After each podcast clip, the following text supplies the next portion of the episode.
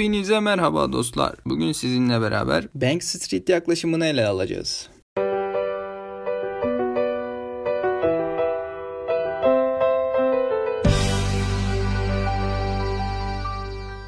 Bank Street yaklaşımı Michel tarafından ABD'de oluşturuldu. Bu yaklaşım gelişimsel etkileşim yaklaşımı olarak da tanınır.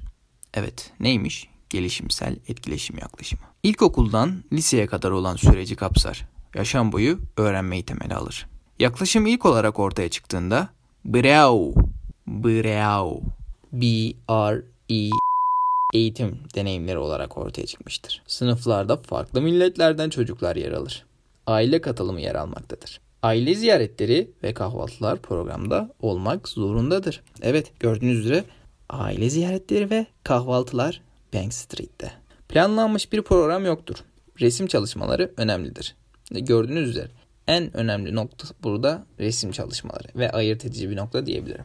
Resim çalışmalarını önemsiz gören bir yaklaşım daha olacak ileride göreceğimiz. Onda ne olabilir acaba? Şimdiden bir düşünmenizi tavsiye ederim.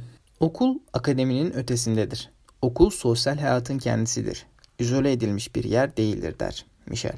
Keyifle ve deneyle öğrenme önemli olmasından dolayı laboratuvar tarzı sınıflar oluşturmuştur. Sürekli tekrarlar vardır ve bu sürekli tekrarlar bize 2013 eğitim programımızdan bir ilkeye götürür. Bu nedir?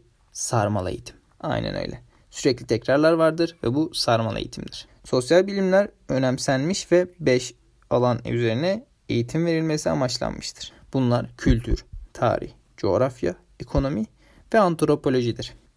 Eğitim, dil, müzik, yazma, oyun, hareketli matematik, sanat ve sosyal bilimler üzerinde planlanmıştı. Evet, Bank Street'te görebileceğimiz şeyler bunlar.